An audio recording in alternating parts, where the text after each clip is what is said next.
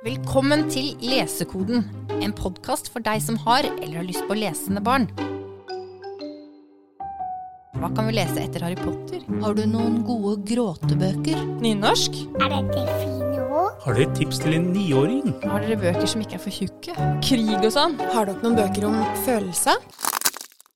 1. juni begynner årets sommerles. Leseutfordringen der barneskolebarn i hele Norge kan registrere alt de leser, og så få premier for det på biblioteket.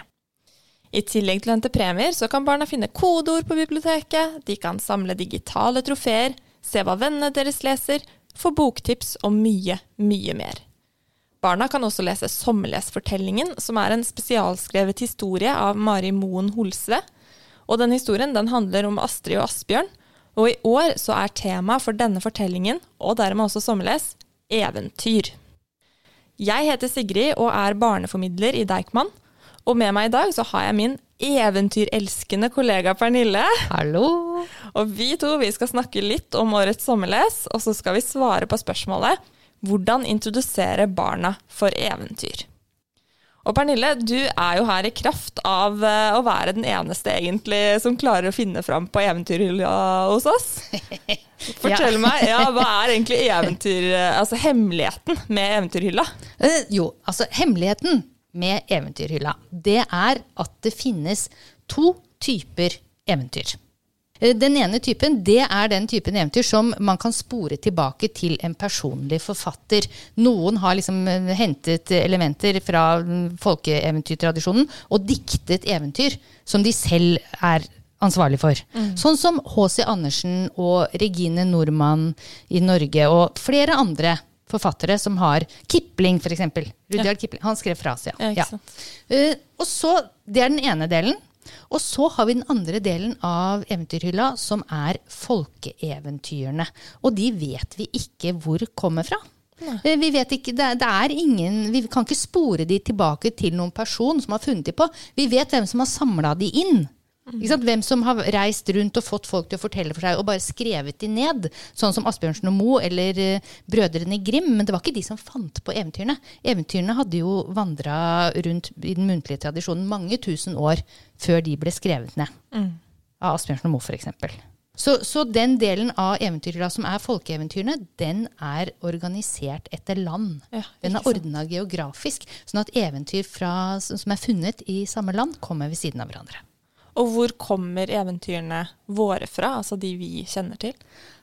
Det veit man ikke helt. Asbjørnsen og Moe og sønnen til Jørgen Moe, Moltke Moe, som, var, som også var veldig opptatt av eventyr og var folkeminneforsker, eh, han utvikla en teori eh, hvor de trodde at eh, alle folkeeventyr i hele verden springer ut av noen gamle hinduistiske religiøse myter. Det trodde de. Så de var liksom på jakt etter å finne de eldste forekomstene av eventyr, og så spore tilbake til på en måte ureventyret. Men det er en teori man har gått litt bort fra. Så, så eventyrsjangeren er veldig uoversiktlig. Det er en stor mølje. Man er ikke helt sikker på hvor ting kommer fra. Men at elementer i eventyrene er veldig gamle, det er helt sikkert. Til flere tusen år før Kristus. Men leser eh, Er liksom eventyr, eh, eventyrene i live blant barn i dag? Kjenner Nei, de til ikke så mye, tror jeg. Jeg tror at vi liksom går rundt og tror at vi alle sammen eh, kjenner folkeeventyrene og forteller de mye, men det er nok ikke helt sant lenger. Jeg tror det er mange barn som vokser opp i dag uten å bli introdusert for de norske folkeeventyrene. Det er litt trist. Det må vi Det gjøre er noe med. trist. Det Ja. må vi gjøre noe med. Men altså, noe av grunnen til det er nok at da Asbjørnsen og Moe skrev ned disse eventyrene, det var på midten av 1800-tallet, siste del av 1800-tallet, eh, så skrev de det jo ned sånn som folk snakka da. Og så har de ikke blitt noe særlig Altså, de har gått litt ut av den muntlige tradisjonen etter at de ble skrevet ned. For nå leser vi de liksom sånn som vi finner dem i boka. Vi forteller ikke like mye muntlig lenger. Så da er de på en måte fanget i den språkformen Ja, det er litt de var i. Ja. Ja. Så, for, så for å gjøre de levende igjen, så, så bør vi kanskje ta de mer tilbake i den muntlige tradisjonen, og, og ikke ha et så ærbødig forhold til dem at man, at man i større grad oppdaterer dem språklig. Ja. Sånn at de blir mer relevant, og kanskje også i forhold til vår etikk og moral. At, at de går tilbake til den muntlige tradisjonen, og at vi bearbeider de mer. At vi tar de med oss mer inn i vår tid. Så vår oppfordring til foreldrene som lytter nå, det er at de, hvis de finner eventyr som de vil lese for barna, kanskje frigjør deg fra boka. Og liksom, ja. Mm. Så Det kanskje- er lov. Ja, det er lov. Med de eventyrene som er fra den, eh, fra den muntlige tradisjonen, så kan man ta de til seg og fortelle de muntlig videre som man selv vil. Men så er det ett unntak da, eh, i forhold til dette med, med at barn ikke har så sterkt forhold til eventyrene og sånn. Og det er jo det at det er jo faktisk utrolig mange eventyrelementer med i populærlitteraturen for barn og unge i dag. Så det er jo mye av det som faktisk dukker opp her og der. Og jeg tenker også på Disney, selvfølgelig, og liksom de store filmene til Disney. Og de tar jo utgangspunkt i eventyr, veldig mange av dem. Og når brødrene Grim eh, skrev ned f.eks. Askepott og Snøhvit og, og de eventyrene der, så forandra de på ting. Ja. De, de dikta til de dikta til lykkelige slutter, Mm. de gjorde på en måte eventyrene spiselige for overklassen i Tyskland på den tiden, og borgerskapet. Så eh, de har blitt pynta på. Og samme gjorde Asbjørnsen og Moe. De pynta på de norske folkeeventyrene. Men også har jo Disney pynta på dem Ja. 100 ganger millioner Ja. mer også etter den tid. Fordi Brødrene Grim sine eventyr de er jo ganske groteske i våre øyne, mange av dem. Tenk på Askepott, for eksempel. Og, ja. Men der, det der med den foten, ikke sant? Ja. at i Grim, sånn som de skrev ned, så blir jo foten kuttet av ikke sant? til stesøstrene. De kutter av hæl og de kutter av tå for å få Ja, det til å passe. Og, og det, har, det drev disse folkeminnegranskerne og tenkte var eh, noe som kom fra Kina. Sant? ja. Tradisjonen med små kvinneføtter. Der, ikke sant? At det, ja. Så Men- de har funnet tilsvarende eventyr, gamle eventyr i Kina. Ja, kult. Også, men du fortalte meg på kontoret i går en veldig interessant historie synes jeg, om Rapunsel. Kan du ikke si hvordan det har Jo. utviklet seg òg? Ja, for brødrene Grim de skrev jo ned eventyret Rapunzel og skulle gjøre det eh, tilgjengelig for overklassen og borgerskapet i Tyskland. Og da, på den tiden, og da forandret de veldig mye på det, i hvert fall i forhold til hvordan det ble nedskrevet i Italia. Samme eventyret ble skrevet ned i Italia på 1600-tallet eh, av en som het Basil, i noe som har blitt kalt Pentameronen. Og der heter eventyret Petrosinella. Og da handler det om eh, en enslig mor som sitter på et rom. Hun har ikke noen mann sånn som hun har hos Grim, men hun er en eh, enslig kvinne som er gravid. Og så ser hun over gjerdet til heksas hage at det vokser masse persille der. Og da får hun så lyst på persille, hun kan ikke motstå det. Hun klatrer over, stjeler persille, hun gjør det flere dager på rad. Og så tar eh, heksa henne på fersken og sier 'Er det du som har stjålet persillen min?' Når du har gjort en så stor forbrytelse, kommer ikke ut av hagen. Og så, kvinnen, så fortvilet, heksa sier «Øh, du skal få slippe ut hvis du gir meg barnet. Det er bedre at du gir meg barnet, sier heksa. Og hun kommer hjem, og heksa kommer og henter barnet. Men altså, det som er poenget, er at persille, når man leser om det i gamle urtebøker f.eks., så ser man at eh, kruspersille og frøene til kruspersille, det er et abortfremkallende middel. Mm. ma- Og gravide skal ikke drikke for mye te av eh, persillefrø, for det er, er, stimulerer eh, livmorsammentrekninger. Og dette Så visste de på 1600-tallet. Det visste publikummet som hørte på på 1600-tallet, i hvert fall de voksne Ja. visste det. Og da er dette her plutselig et helt en annet eventyr. helt Ja. annet eventyr. Ja, det er veldig interessant. Ja. Og dette har Grim pynta på. Ja. Brødrene Grim de pynta på det. Så det, i Tyskland så var det sånn at hun satt der og hadde lyst på salat. Rapunzel-salat. ikke sant? Mens i det gamle italienske eventyret så heter den jenta som blir født, hun blir kalt Petrosinella. Ja. Som betyr lille persille. Og vi skal gjennom ganske mange eventyr nå, eh, og da er det både de tradisjonelle eventyrene, noen samlinger, forskjellige samlinger der, og så skal vi også nevne noen litt nyere ting, og hvordan eh, populærlitteraturen har tatt opp i seg mange av eventyrelementene. Og da har du noen eventyrsamlinger, Pernille. Ja, det har kommet to nå i løpet av de siste årene eh, med de eventyrene vi kjenner godt fra den europeiske tradisjonen. Den ene samlingen heter Ut på eventyr. Den kom i 2021, og her har norske forfattere valgt hvert sitt eventyr som de har forandra på. Og forteller på nytt. Og de har dikta til nye slutter, og de har forandra kjønn på hovedpersonene. Og de har bare lekt seg med disse eventyrene. Altså, det, er igjen så mye, mange elementer fra de, mm, Klassiske, eventyr, ja, fra ja. de klassiske eventyrene vi kjenner, til at vi kjenner dem igjen. Men de har gitt dem et helt nytt eh, uttrykk, Ja, kan du si. Og nye tilpasset stemninger. til Ja. dagens eh, barn, da kanskje i større grad. Mm. Ja. Og i denne boka så er eh, de eventyrene vi kjenner i den opprinnelige formen, de er også trykket med, så man får de både i en Ja, er oppdatert fint. versjon og en gammel versjon. Det er jo kjempefint. Ja, kjempefint. Ut på eventyr heter den.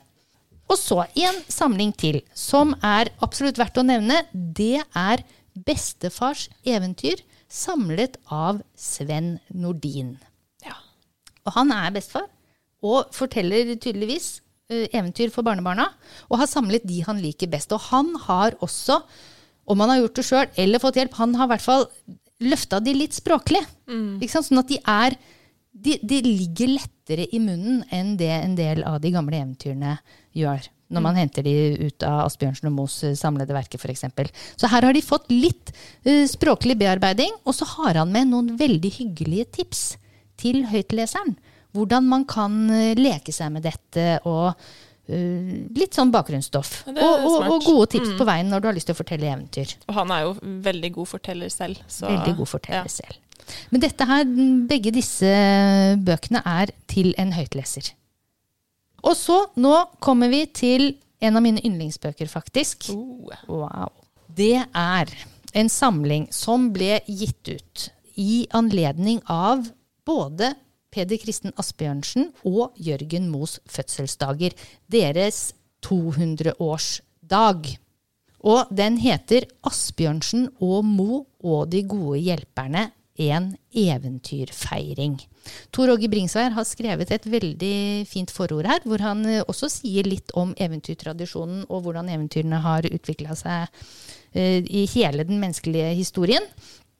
Og så er det illustratører her, som har valgt seg hvert sitt eventyr og illustrert. Og det er veldig flotte illustrasjoner. Ah, de er så fine. Og man ser hva illustrasjon Ja, kan gjøre med en Ja, ja, ja. fortelling. Det, for vi er jo vant til eventyrene med de der eh, kobberstikkene fra Grim, og med Wernskjold og Kittelsen, ikke sant, de norske trollene. Men det å få folk til å tegne f.eks. nye troll til oss, Ja. det altså gjør noe med hvordan vi opplever innholdet Mm. i fortellingen. Så her er det Tore Hansen har tegnet trollene, han som har illustrert Ruffen, vet du. Mm. Ja.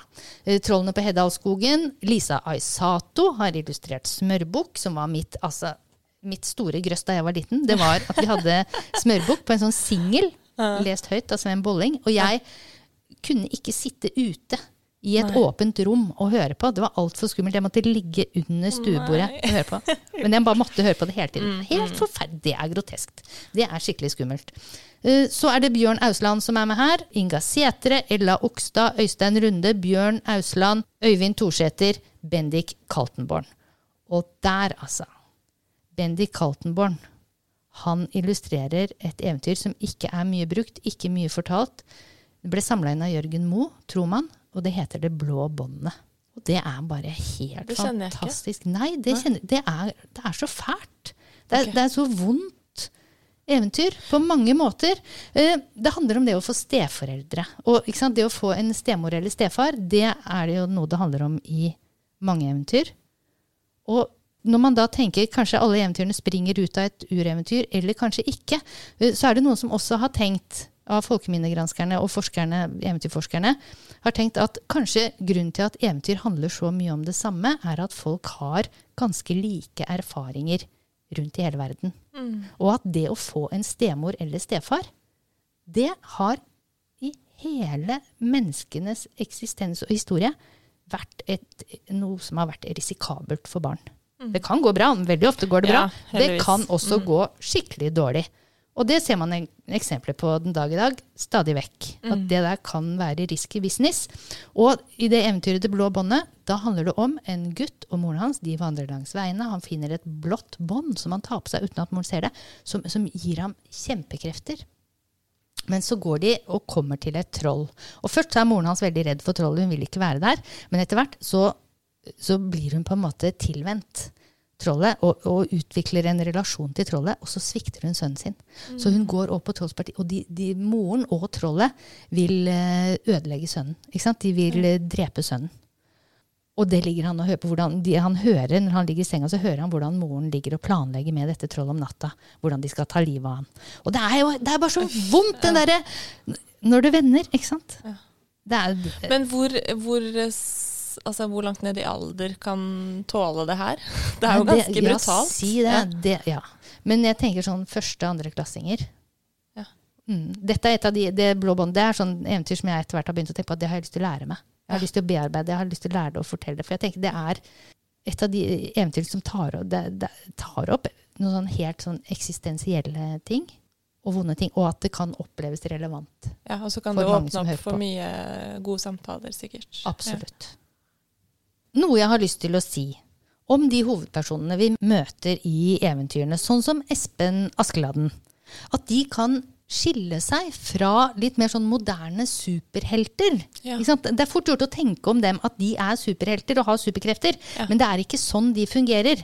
Altså Espen Askeladden, han reiser ut i verden, og så møter han folk og dyr som trenger hjelp. Og så ser han verdien i det usleste. Han hjelper dem. Og til gjengjeld så hjelper de ham når han trenger hjelp. De hjelper han med hans prosjekt. Sånn at Espen Askeland han er ikke noen sånn superhelt som, som får til alt og løser alle problemer. Det som skjer, er at han får hjelp. Og så greier han å ta imot hjelp, og så blir han rett og slett båret i mål. Ja, og så er han veldig åpen for impulser og på en måte Ja. for andres hjelp, da. ja, Ja. han er snill Han er veldig grei. Grei fyr. og lur. ja. Du har én samling til. Ja. Og har nå har vi jo stort sett så har vi plukket ut her eventyr som, som vi kjenner, og som er en del av vårt eh, europeiske referansemateriale. Ikke sant? Det som, som vi refererer til, og som er, som er en del av våre kulturelle koder. Og da, det som hører med der, det er også de russiske eventyrene.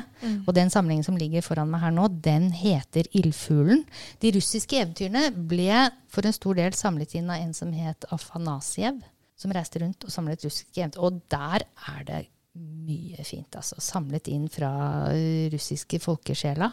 Nydelige, spennende, skumle og fæle, flotte eventyr. Eh, Baba Yaga, for eksempel. Hun er med her. Og i den samlingen som heter Ildfuglen, der er selveste eventyret Ildfuglen. Og så finner man fortellingene om den vakre Vasilisa og tsarsønnen Ivan og ja. Og dette er jo eventyr som, som eh, kanskje ikke alle kjenner til. Nei. Selv om de ligger i den europeiske tradisjonen, så er det jo litt fjernere for mange av oss. Mm, Men når man leser Ja. det, så, så kjenner man igjen elementene. Ikke sant? Man ja. kjenner igjen eh, eh, de som driver handlingen. De, er, de ligner på hverandre. Og som jeg sa innledningsvis, så er jo temaet på sommerlese i år, det er eventyr. Og det temaet springer jo ut av sommerlesfortellingen som Mari Moen Holsve skriver hvert år, som da alltid handler om Astrid og Asbjørn, som opplever veldig mye spennende. Og i år så er det at de er på Altså, de, de får en sånn stor eventyrbok, og så har rett og slett eh, masse eventyrfigurer de har stukket av fra eventyrboka. Og så må Astrid og Asbjørn da jakte på disse eventyrfigurene i vår verden på jorda, og finne dem og putte dem tilbake der de hører hjemme i eventyret. Og det som er så kult, altså jeg skal jo ikke spoile eh, så mye av den fortellingen, der kommer det et kapittel hver mandag som barna kan lese inne på sommerles.no. Men det er flere av disse figurene som dukker opp. Så Baba Yaga er faktisk en av de som kommer i den uh, sommerleshistorien. Ah, veldig kult. Hun, Ja. er, hun er en heks.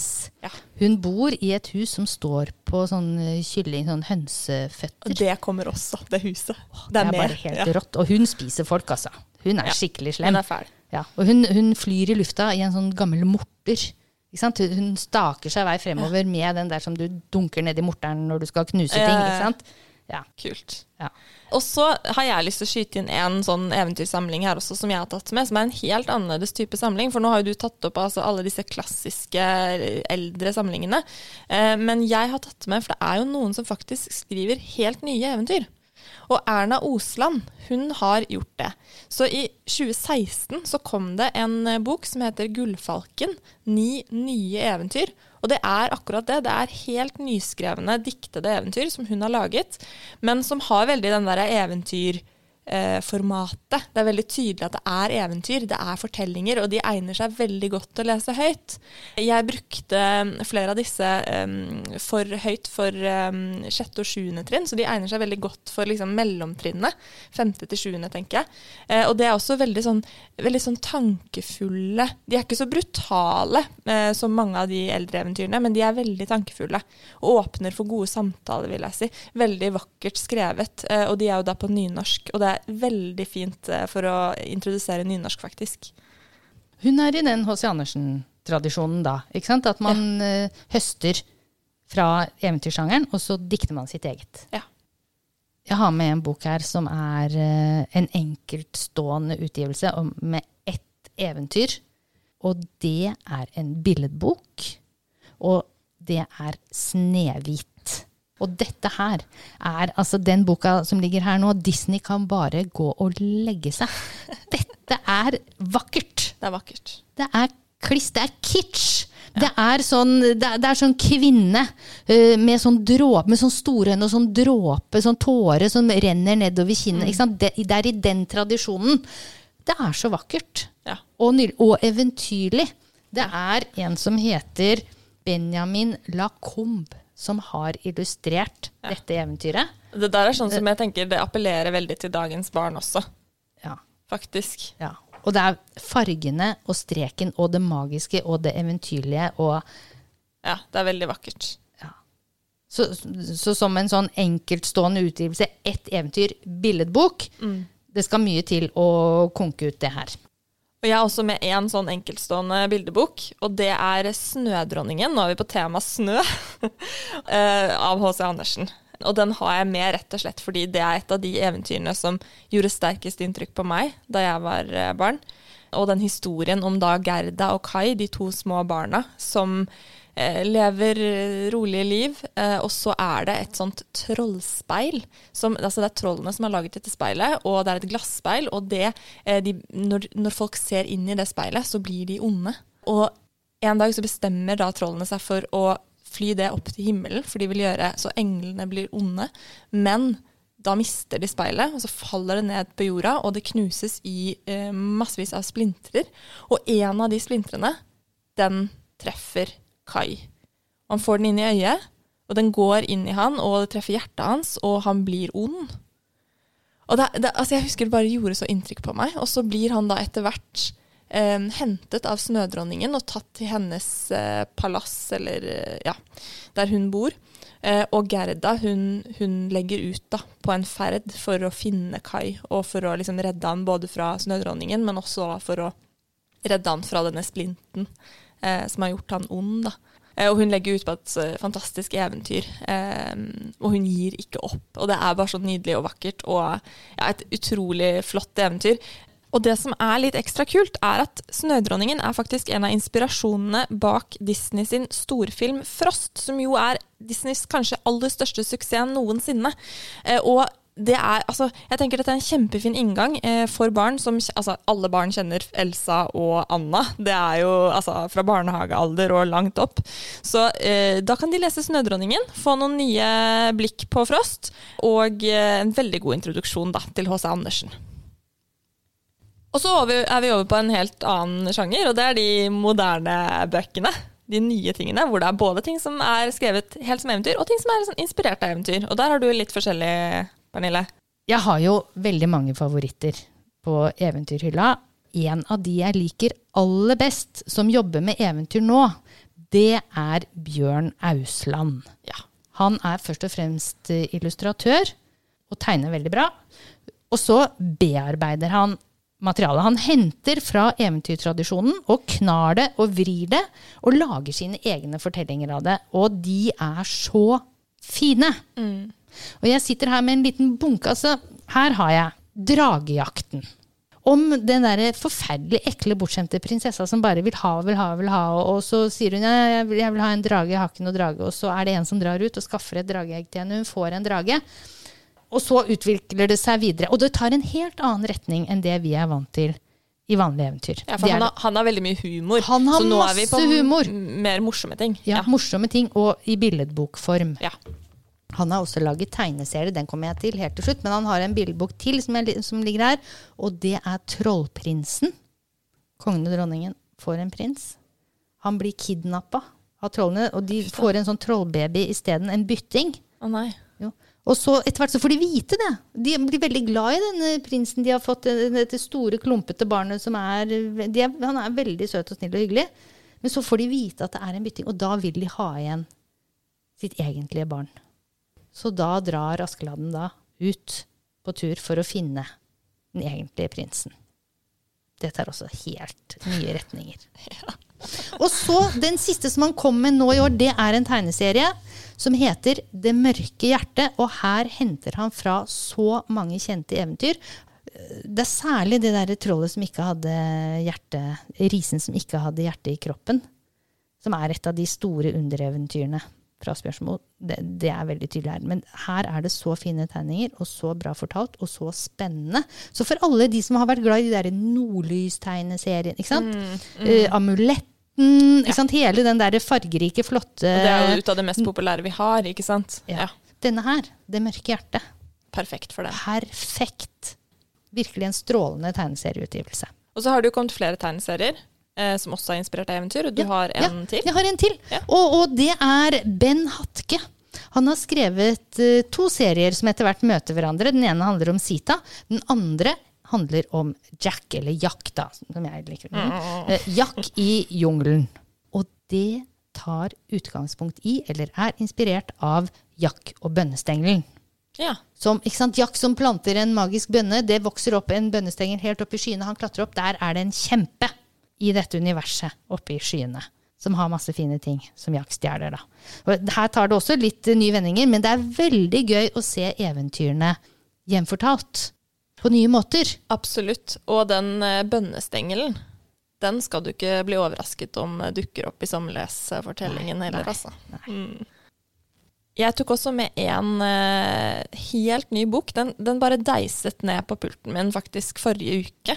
Uh, så jeg rakk liksom akkurat å se på den. Og det er uh, Jeg måtte bare se på den, fordi at det er min favorittillustratør, Stian Hole, som har illustrert den. Og den er skrevet av Kim Fups Åkesson. Det er jo et dream team, det her. Og det er ikke en bok som Det er på en måte ikke et eventyr, men den, den tar opp i seg også veldig mange eventyrelementer. Og det er en fortelling om, om det å bli gammel, og også om forholdet mellom barnebarn og besteforeldre. Og da om en bestemor som, som etter hvert kommer på et pleiehjem, og, og som stikker av eh, fra pleiehjemmet, kommer til, til barnebarnet sitt, og, og de reiser sammen ut på et eventyr. Og bestemor hun husker ikke så godt, men hun er veldig god til å fortelle eventyr. Sånn at det kommer liksom sånne eventyrelementer på en måte inn i det her. Og for de som kjenner Stian Holes bøker, så vet jeg at hans illustrasjoner er jo kollasjer eh, som er satt sammen med masse, masse detaljer. Så det som jeg syns var litt kult med den her, var jo at du kan på en måte du kan lete rundt i bildene og liksom etter hvert få litt sånn assosiasjoner til alle, veldig mange forskjellige eventyr, og rett og slett uh, bare lete rundt. Veldig fin bok, syns jeg. Og den heter da Eventyr, rett og slett. Og det var faktisk alle bøkene som vi eh, rakk å være innom. Og dette var bare noen få av alle de bøkene som vi har på eventyrhylla vår. Eh, og så håper jeg at, eller vi håper, at veldig mange av eh, barneskolebarna i Oslo er med på sommerles i år, og bruker muligheten nå som liksom eventyret eventyr er på tema. Eh, at man eh, kaster seg over eventyrene også, og får, noen poeng av det. Ja. Og så vil jeg nevne også det at nå har vi ikke snakket så mye om hvordan sommerles eh, fungerer. Jeg tror at mange av de som hører på, har hørt om det. I fjor så laget vi en egen episode hvor vi snakker om hvordan sommerles fungerer, så du kan sjekke ut den hvis du vil høre oss snakke mer om det. Eller så kan du gå inn på sommerles.no, og der står alt om hvordan man blir med. Og med det, Pernille, så kan vi vel runde av. Det kan vi. Snipp, snapp og snute. Så var det ute. Hva var det? Og den lyden! Ja, Ah, det var jo lyden av lesekoden som knakk. aha. Dette er en podkast fra Deigman, hele Oslos folkebibliotek.